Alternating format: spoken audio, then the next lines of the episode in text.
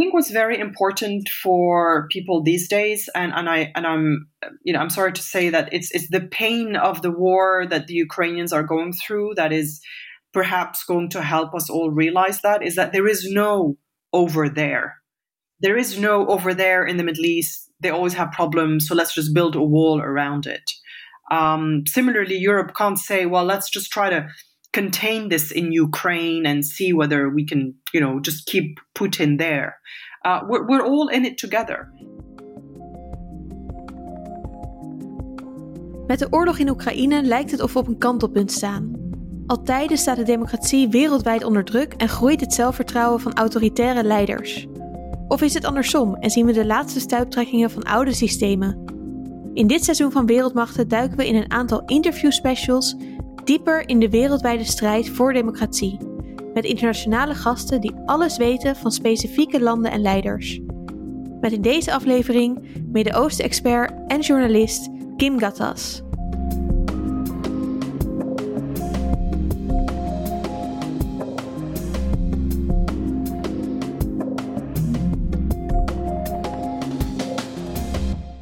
Mijn naam is Esther Krabbedam en samen met journalist Hans Klis bespreken we in deze podcast elke week de geopolitieke ontwikkelingen achter het nieuws. Vandaag hebben we een speciale aflevering waarin we praten met Midden-Oosten-expert en journalist Kim Gattas over de oorlog in Oekraïne en de situatie in het Midden-Oosten. Ja, Hans, laten we het zo hebben over uh, de fantastische Kim Gattas en waarom jij haar al heel lang wilde uitnodigen. um, maar eerst misschien even een korte update over uh, ja, de stand van zaken van de oorlog op dit moment. Um, kan jij wat, uh, ja, wat korte updates geven? Ja, het nieuws is uh, ja, veelal uh, een beetje hetzelfde van de afgelopen dagen. de Russische bombardementen op steden houden aan. en sommige berichten spreken van volledige verwoestingen van dorpen in het oosten van Oekraïne, onder andere. En ook in hoofdstad Kiev ja, worden nog steeds bombardement, vinden nog steeds bombardementen plaats. En uh, ook terwijl er afgelopen dinsdag een, uh, een EU-delegatie bijeenkwam om uh, steun te betuigen aan president Zelensky. Die waren naar Kiev gekomen, toch? Ja, klopt ja. Het waren onder andere mensen uit, uit Polen die, die, daar, die daar kwamen om ja, toch een beetje te laten zien dat zij daar, ondanks het gevaar, ja, aanwezig wilden zijn en, en plannen willen maken met, met Oekraïne. Ja, en verder uh, is het nog steeds niet duidelijk wat precies de positie van China nou is in het conflict. En of zij aan de, helemaal aan de kant van Poetin staan. Of nou ja, ze lijken nog steeds neutraal te willen blijven. Ja, klopt ja. En de NAVO is wel al bezig om, uh, om plannen te maken, hè, om zich toch beter nog te wapenen ja. tegen deze Russische agressie. Ja, aangezien uh, dit weekend uh, ja, bombardementen heel dicht bij de Poolse grens kwamen, is het gevaar eigenlijk groter geworden dat ja, ehm, Russische troepen of Russische raketten ja, per ongeluk misschien wel die, die NAVO-grens overgaan. En daar wil de NAVO op voorbereid zijn. Die hebben daar dus woensdag over gepraat, over hoe ze daar ja, tegen moeten optreden. Hans, je hebt Kim Gattas uitgenodigd om het uh, met haar ook te hebben over de oorlog. En um, uh, ik weet dat jij haar al uh, heel lang wil, wilde spreken.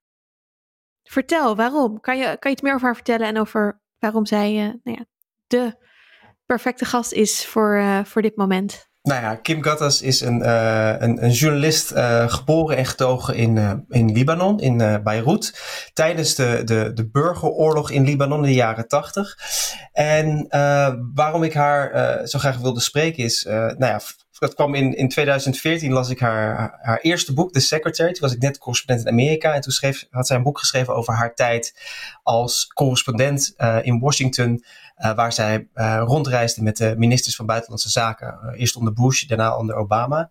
En onlangs schreef zij een heel mooi boek over eigenlijk de afgelopen 40 jaar in het Midden-Oosten. Hoe dat zich ontwikkelde en hoe eigenlijk het jaar 1979 eigenlijk, ja, eigenlijk een sleutelmoment is in hoe we, hoe, hoe het Midden-Oosten zich ontwikkeld heeft tot wat we nu zien. Um, en ik wilde haar heel graag spreken, omdat zij, omdat zij met ja, het ene been in het Midden-Oosten staat en het andere been uh, ja, in Amerika heeft gestaan. Die grote bepaler van uh, ja, buitenlands beleid in de wereld, wilde ik haar heel graag spreken over ja, hoe zit het nou met democratie?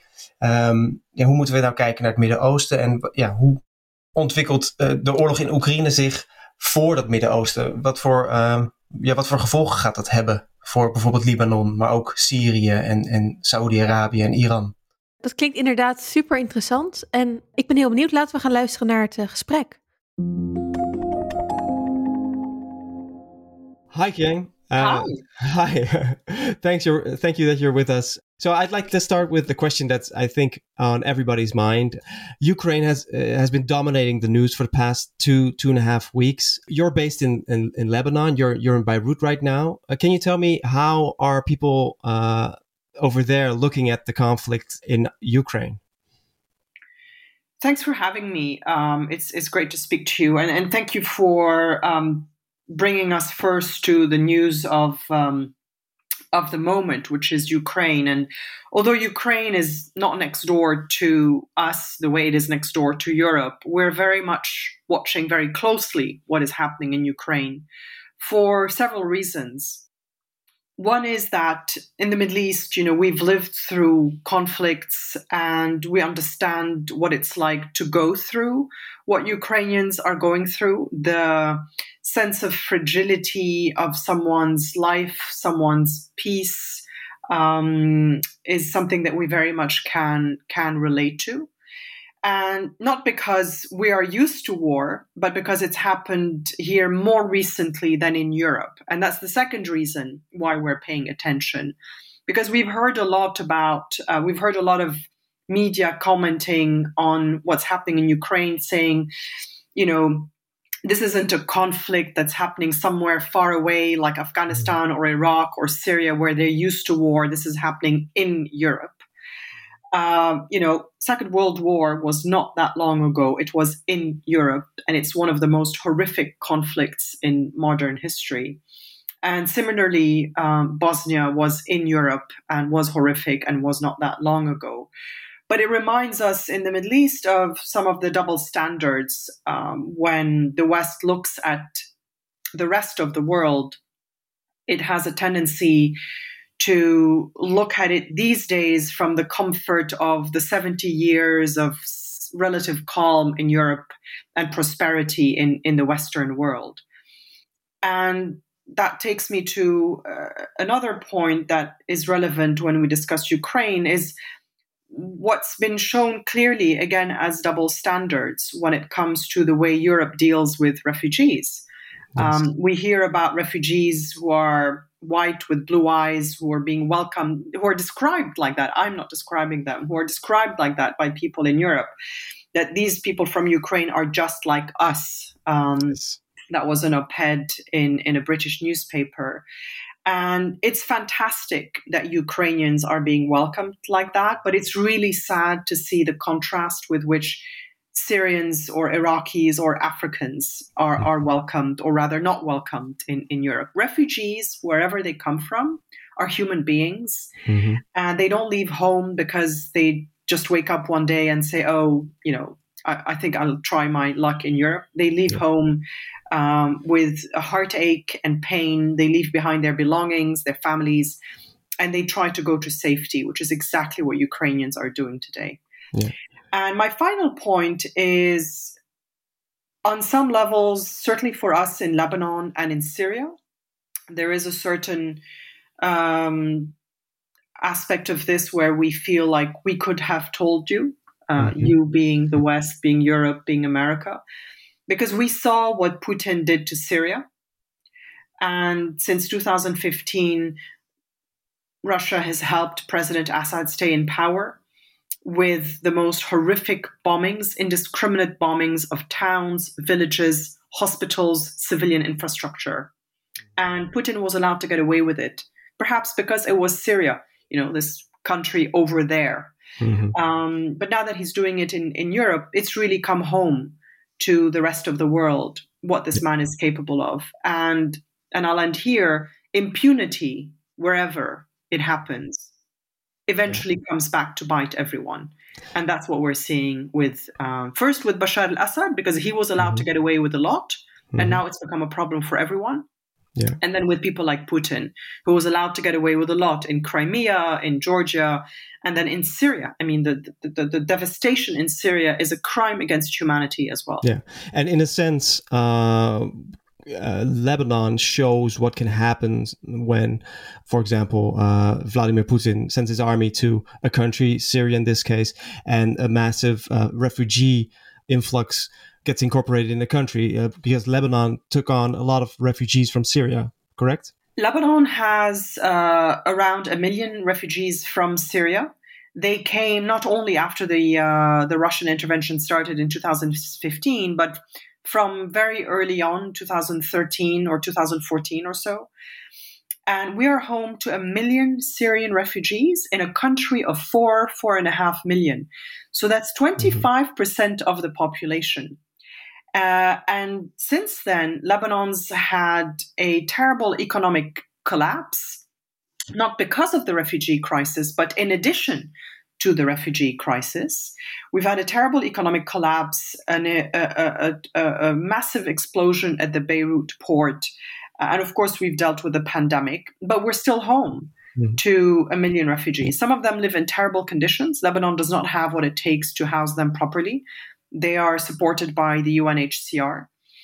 But it is hard for people in the region to listen to Europeans or Americans saying, you know, they can't take in any more refugees. Mm-hmm. Um, we yeah. could, and we've done it, and we owe that to to them, to our neighbors, to humanity, and it is a service that Lebanon provides, and. Jordan provides, and Turkey provides to the rest of the world. Uh, in just the span of two weeks, there are 2 million Ukrainian refugees. That's a huge number. And I hope they will all be welcomed uh, in, in Europe, across, across, uh, across Europe. And I hope it will be temporary and that they will be able to go home. But unfortunately, from watching events unfold in Syria, I fear that they will not be able to come back uh, to their homes for yeah. the foreseeable future. Yeah that, well, let's hope so that they can can return to their homes. Um, and uh, you touched on uh, the problems that are uh, plaguing Lebanon right now. Lebanon is dealing with hyperinflation, uh, shortages, uh, a brain drain, the aftermath of the explosion in the Beirut port, and uh, I read that Lebanon also imports 90% of their wheat and and oils from Ukraine and Russia. So, are you already seeing problems arising from that, from from the sanctions against Russia and and, uh, and the war in uh, Ukraine. Yes. Um, I have not been to a supermarket yet, but I heard that you can't find a single bag of flour anymore anywhere. Oh, wow. Uh, we have uh, queues at petrol stations because people want to fill up before the prices go up too much. Mm-hmm. Prices of uh, fuel for generators has um, almost, not quite double, but almost.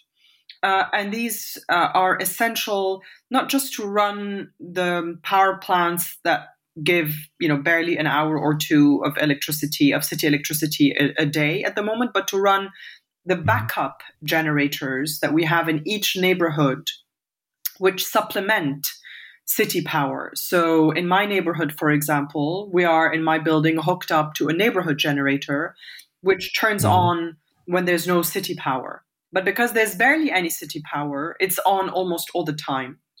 And because it's so expensive to fill up with um, with the, the diesel that you the fuel that you need to run these generators, there's rationing also of the power that these generators give you. And just this this minute, um, before we uh, before we started recording, we got a notice from the guy who runs our local neighborhood generator to say, you know, due to rising prices, it's almost double. Uh, we're going to have to ration some more because he might be able to get his hands on enough fuel, but most people don't want to pay the bills anymore. They're too high, so we're all rationing, um, you know, the hours that we get in our homes. Yeah. Yeah, I, I don't think. And just to add one more point, um, I was speaking to um, to to some people about Lebanon's situation when it comes to the wheat, and I know that American officials are trying to uh, help backfill uh, what Lebanon imports in terms of wheat from Ukraine and Russia.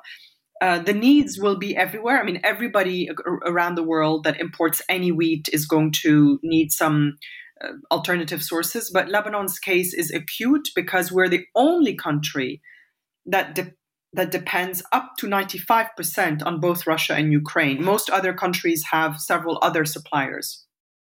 You, you are born and raised in, in Lebanon. How does the situation now, how does that compare to the Lebanese civil war that was raging when you were born and raised uh, in Beirut? Mm.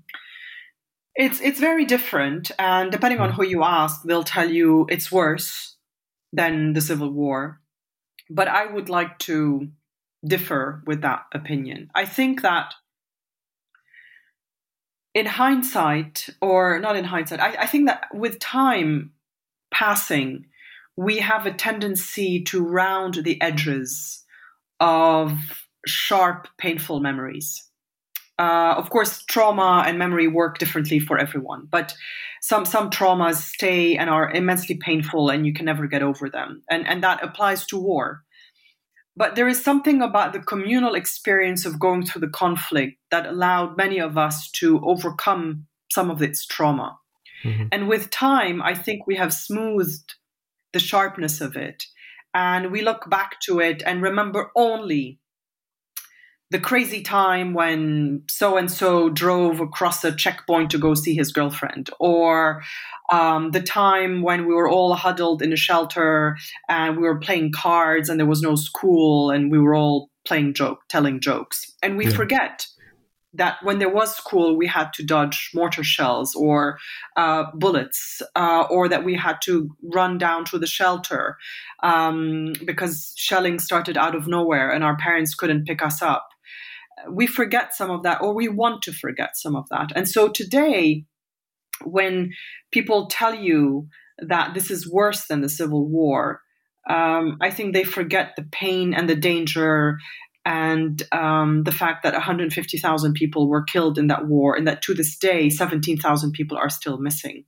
Yeah. What's so difficult about today is the humiliation of begging the banks for your money it's the humiliation of driving around town looking for uh, medication for your mother or your father or your siblings or yourself. You know, the young people mm. are deprived of uh, of medication they need for for cancer or for their children. Um, it's the humiliation of protesting for your rights and being um, met with uh, violence by the political establishment who send their thugs onto the street. And it's um, it's depressing that after everything that this country has been through, after having overcome the challenges of war and having rebuilt the country and having been through more turmoil during the supposed years of peace with assassinations and um, wars with Israel and so on, that you know people who are in their 60s and 70s and 80s suddenly realize that everything they built is for nothing because their money is stuck in the bank and it's worth absolutely nothing.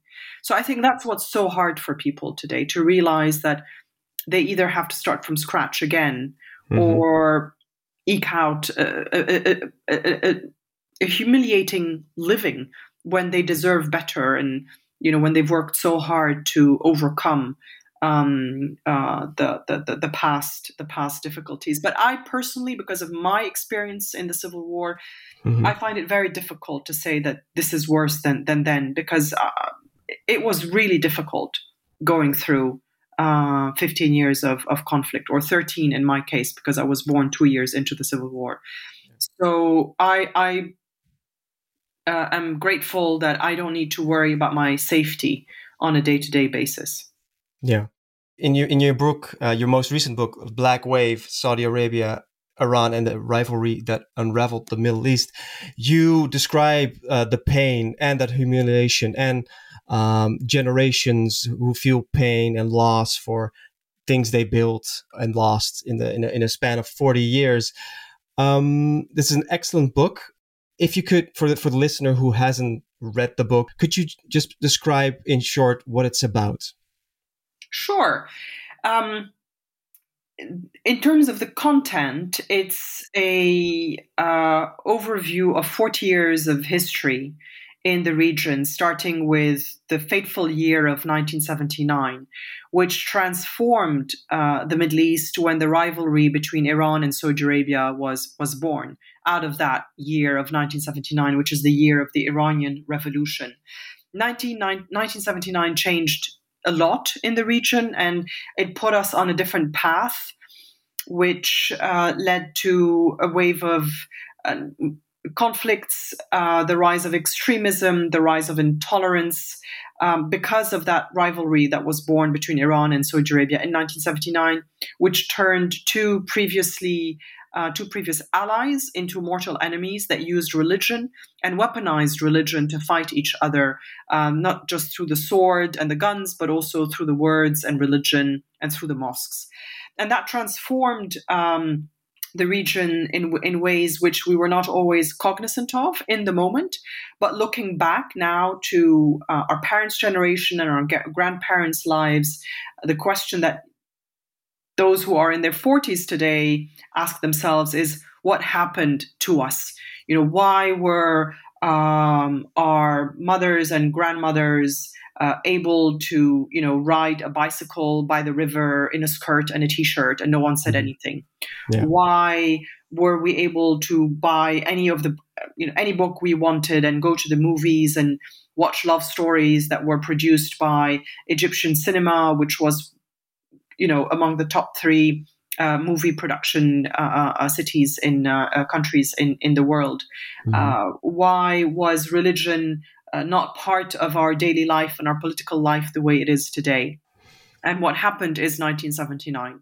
Yeah. And in terms of the style, as you very kindly say, it's a page turner, and thank you for saying that. And I, I hope more people feel that way, is because I really wanted to make it accessible to a wide audience. So I described the book as a 1001 Nights uh, of modern geopolitics.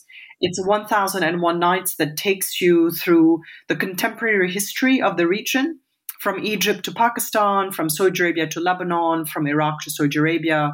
And it does so by taking you through time and through these places and helping you meet some of the incredible people and the incredible characters that are at the heart uh, of this book the real people like like mm. me like you um, you know television anchors intellectuals uh, clerics uh, who also fought back against that darkness that engulfed us. And that's really what I try to um, put through via the book as well. It's not just the geopolitics, but it's the daily struggle of the good people of this region who are, I think, a majority and who push back against the extremism. And sometimes um, they get killed for it.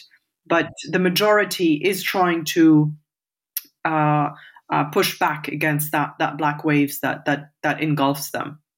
Yeah, and, what I found uh, very interesting uh, about the way you tell this story is that you don't just uh, tell this story, uh, uh, the, the, story of 40 years in the Middle East, as uh, the result of the split between Shiite, Shiite Muslims and, and Sunni Muslims. Was that very important for you to do that? Well, what I make clear in the book is that this is not a theological dispute that we're living through today. You know, people who are fighting in Iraq uh, or who were fighting in Iraq, killing each other as Sunnis and Shias, were not fighting about the historical schism between Sunnis and Shias and who is the rightful heir to the Prophet.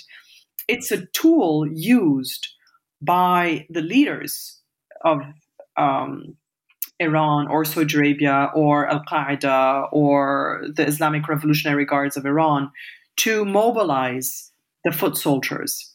But this is not what this is about. Uh, what it's about is a power is a struggle for power between mm-hmm. Iran and Saudi Arabia, who happen to be one Sunni, one Shia. But it's definitely not about. Um, I mean, I can't say it's not about religion, but religion is used as uh, as a tool to fight those wars for influence and, and for power between Iran and Saudi Arabia. And yes, I absolutely wanted to show that this is not some ancient conflict which continues today, although you could argue mm-hmm. um, that all conflicts in the world are a continuation of past grievances. I mean, just look at mm-hmm. Putin today. Um, but it's important to put things in context, and it's important for particularly the West, not to dismiss the Middle East as a region that is prone to constantly reliving ancient conflicts, because that's that's not what it's about. Um, first of all, it allows the West to uh, evade any responsibility mm-hmm. for what um, its own actions have led to in the region, whether it's the American invasion of Iraq or whether it's um, support for dictators like Abdel Fattah al-Sisi or before that Hosni Mubarak. Mm-hmm. Um, and second, it allows policymakers to say, well, it's always been like this and they're, they're always going to kill each other. So let's just forget about it and just try to build a wall around it and keep them over there. Yeah. I think what's very important for people these days, and, and I and I'm you know I'm sorry to say that it's it's the pain of the war that the Ukrainians are going through that is perhaps going to help us all realize that is that there is no over there. There is no over there in the Middle East. They always have problems, so let's just build a wall around it. Um, similarly, Europe can't say, well, let's just try to contain this in Ukraine and see whether we can, you know, just keep Putin there. Uh, we're, we're all in it together. And, and it is uh, always, I find, about progressive values versus some kind of extremism whether it's um, secular uh, autocracy like Putin or whether it's uh, religious extremism like like Daesh. Um, it is always about uh, the good people against the bad people. I, I don't want to, mm-hmm. you know, mm-hmm. use uh, too too simplistic a, a, a framing, um, mm-hmm. but I think it's important for um, people in the West to to remember that that there are uh, people fighting for their rights and for progressive values everywhere, including yeah. in the Middle East. Yeah, it brings me to a very interesting Atlantic article you wrote uh, last year, uh, "What the Loss of Freedom Feels Like." You there you trace uh, the loss of freedom, the unraveling of societies, and the loss of uh, liberal, uh, progressive values uh, as a recurring theme that we see in Hong Kong, but also Afghanistan, uh, and Lebanon. Mm-hmm. Um, what you're saying is we can actually draw that line through what's happening in Ukraine um, and extend that. I would include Russia um, as well because this loss of freedom is is really the end of an era across the world. Mm-hmm. It's the end of the global order, which came to be, uh, which came into being mm-hmm. after um, the end of the Cold War. Uh, for three decades or so, uh, there was a sense of progress, of growing freedoms everywhere, from Hong Kong to Afghanistan to Lebanon to uh, Istanbul to Moscow. Um, you know, it started at different points specifically in each one. You know, Afghanistan was only a little bit later in 2001. Um, uh, Hong Kong was after 96, etc. But there was this sense of an inevitable march forward towards mm-hmm. progress, towards progressive values, and so on. And today, um, of course, the the it came all crashing down in Hong Kong and, and in, in, terrible ways in, in, Afghanistan and in Lebanon. It expresses itself in slightly different ways, but I, I do find that there is a common thread. And of course, in Ukraine, um, it has meant sudden, rapid violence and, and devastation. But I also think of young Russians or who who are suddenly finding themselves disconnected from the outside world. And I, I don't see how this can be recovered very quickly unless Putin disappears.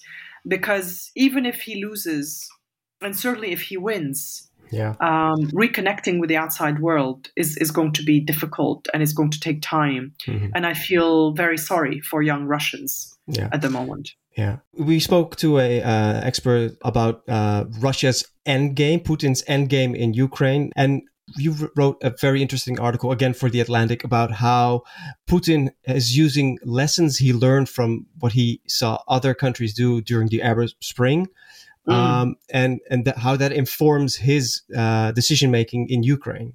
What are those lessons? Yes, it's not just lessons of what others of what other Arab countries did, but of mm-hmm. how the West behaved and how he seemed to think that this was all the beginning of a plot to unseat him. Mm-hmm. Um, when uh, Muammar Gaddafi, the dictator in Libya, threatened to crush his people like cockroaches.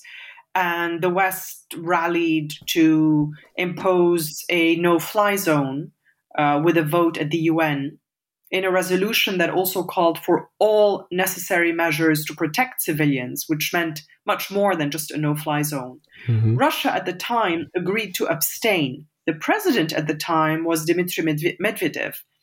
And he agreed to abstain because he had some sympathy, actually, for protesters calling for democracy across the Arab world. Mm-hmm. And Hillary Clinton, who was Secretary of State, and Joseph Biden, who was then vice president, uh, talked to their counterparts and, and got Russia to agree to abstain uh, at the UN Security Council, which meant that the the vote could, the, the resolution could be adopted. Mm-hmm. But Putin, who was prime minister at the time, was furious. And he thought that Medvedev had been duped, that he had been cheated by the West, and that he should have known that a no fly zone and all necessary measures would, would involve a lot more than just making sure that um, uh, civilians were were safe. Mm-hmm. Uh, and he saw that as the beginning of a military interventions by the West, which could eventually reach him. And he saw in the fate of Gaddafi, who was found months later in a drainage pipe and beaten to death by his countrymen, as a fate that could eventually be his, uh, Putin, in, in Russia. Now, some people will say, well, that proves that you know his thinking is rational. Uh, Putin's thinking is rational. Yeah, and and and so so there's an in, there's some he learned some a lesson from the Arab Spring, um, and so there's a, a direct influence from from the Arab Spring to the Ukraine conflict right now and when you turn that around, how will the Ukraine conflict uh, change the Middle East? We've already seen that the Iran mm. deal is, is under pressure by by, by Russian uh, demands. Uh, there's a normalization of Assad, also driven partly by Russia. How will the Middle East look like after well, when this war ends? Mm. Well, it really depends how it ends first, mm. but um, but but I, I do want to add one point about the lessons that Putin drew from there, mm-hmm. from the Libya episode, which is that once it became time to discuss Syria at the UN Security Council, Russia vetoed UN resolutions on Syria 16 times. Mm-hmm. And those resolutions were about everything from humanitarian aid to humanitarian corridors to safety for civilians um, to uh, uh, uh, banning chemical weapons. So he just became complete obstructionist and he inserted himself in Syria and then uh, played the diplomatic card, looking like he could solve the Syria problem for the West. And there were a lot of editorials at the time from American writers saying Putin will will solve Syria for us. Uh, because it was convenient. We, we don't want to deal with it. Those people over there, let Putin deal with it.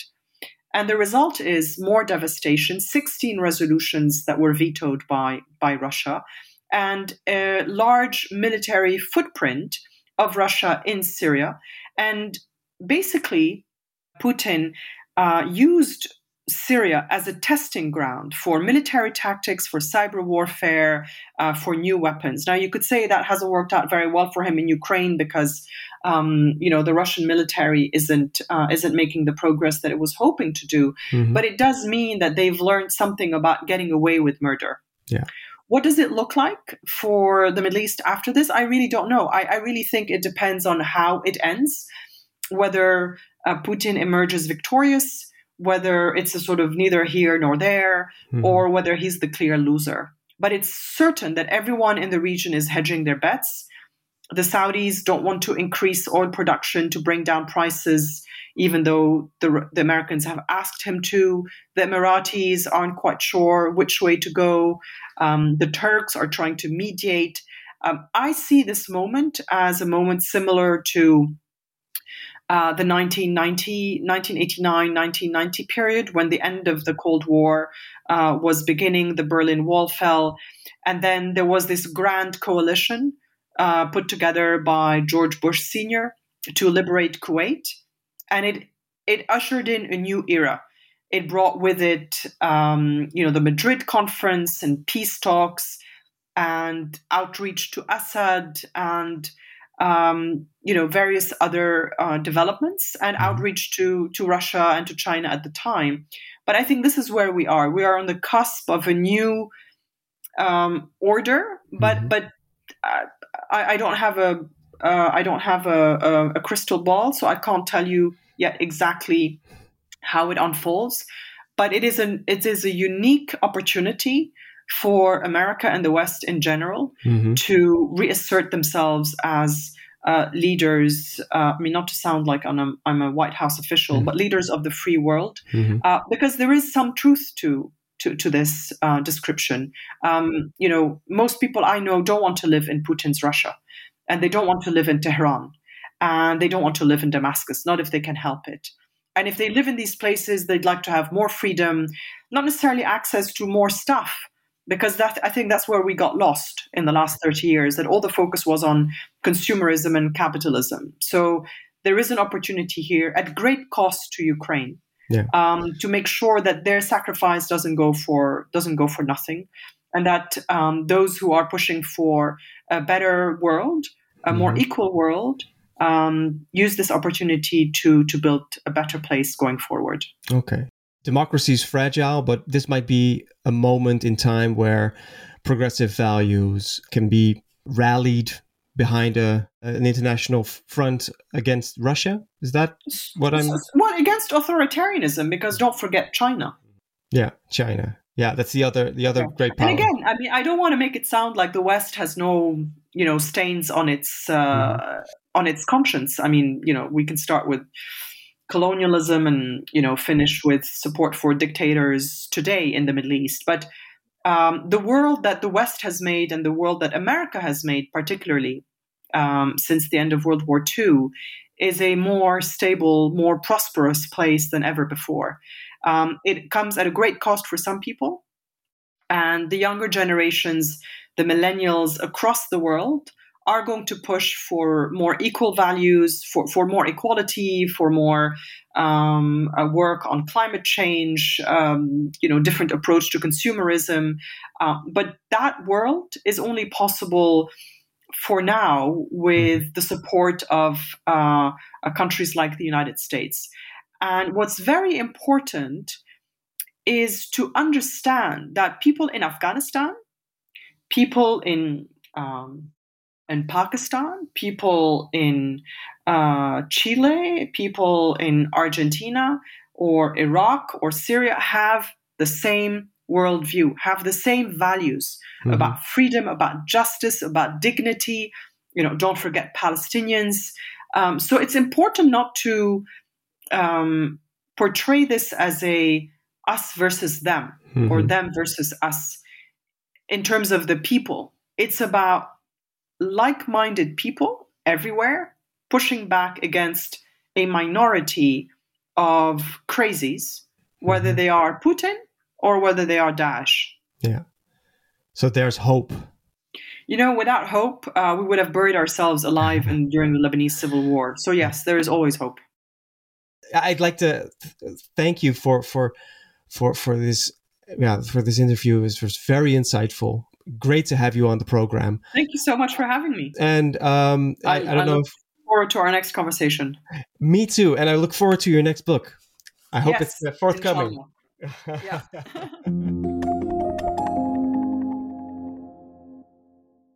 Wat een uh, fijn, duidelijk interview en goed om inderdaad, zoals je al zei, ook inzicht te krijgen in uh, hoe, dit, uh, hoe deze oorlog niet alleen in Oekraïne, maar veel breder uh, gevolgen heeft.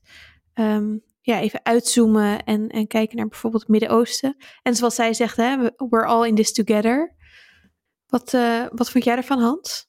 Nou ja, ik, ik vond het heel erg interessant om te horen hoe het verleden nog steeds uh, het heden ja, bepaalt eigenlijk. Als je dan hoort over hoe Poetin kijkt naar de dood van Gaddafi en hoe dat eigenlijk uh, invloed heeft op, op zijn invasie van, van Oekraïne. Maar ook vooral dat, uh, ja, dat er toch een lijn richting democratie lijkt te zijn in alle landen ter wereld. En dat dat heel erg hoopvol is. Uh, dat, dat vond ik wel heel fijn om te horen. Ja, het is ook wel fijn om in deze tijd af en toe een, een hoopvol verhaal te horen. Ja, precies. We gaan natuurlijk uh, um, de boeken die Kim Kattas heeft geschreven um, linken in onze show notes. Um, dan kan je meer uh, over of van haar lezen na dit, na dit gesprek.